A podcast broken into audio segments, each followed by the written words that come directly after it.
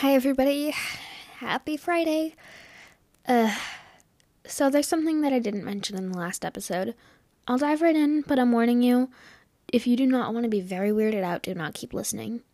So, I played all of the audio I had in the last episode, but that wasn't the full story. After I stopped recording, Liv saw that there was someone still cleaning up in Lincoln's. She went over to ask who was the server that handed her her ice cream. He stammered something about not knowing, took off his PPE, and put on a normal fabric mask and ran out of the shop. I can guess what you're thinking, that's not so weird, but listen to this. The fabric mask he put on had an ace on it.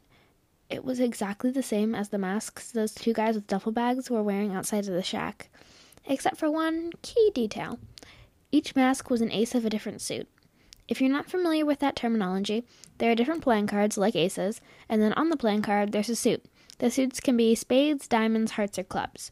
The Lincoln's guy had spades, the duffel bag guy number one had clubs, and duffel bag guy number two had hearts. Maybe Lincoln's owned by the aces. No. Maybe they're a money laundering front. No.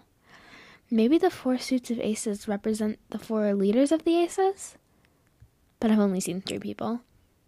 That just means I gotta find one more. Until next time, I'm Zoe, and this is my life on lockdown thank you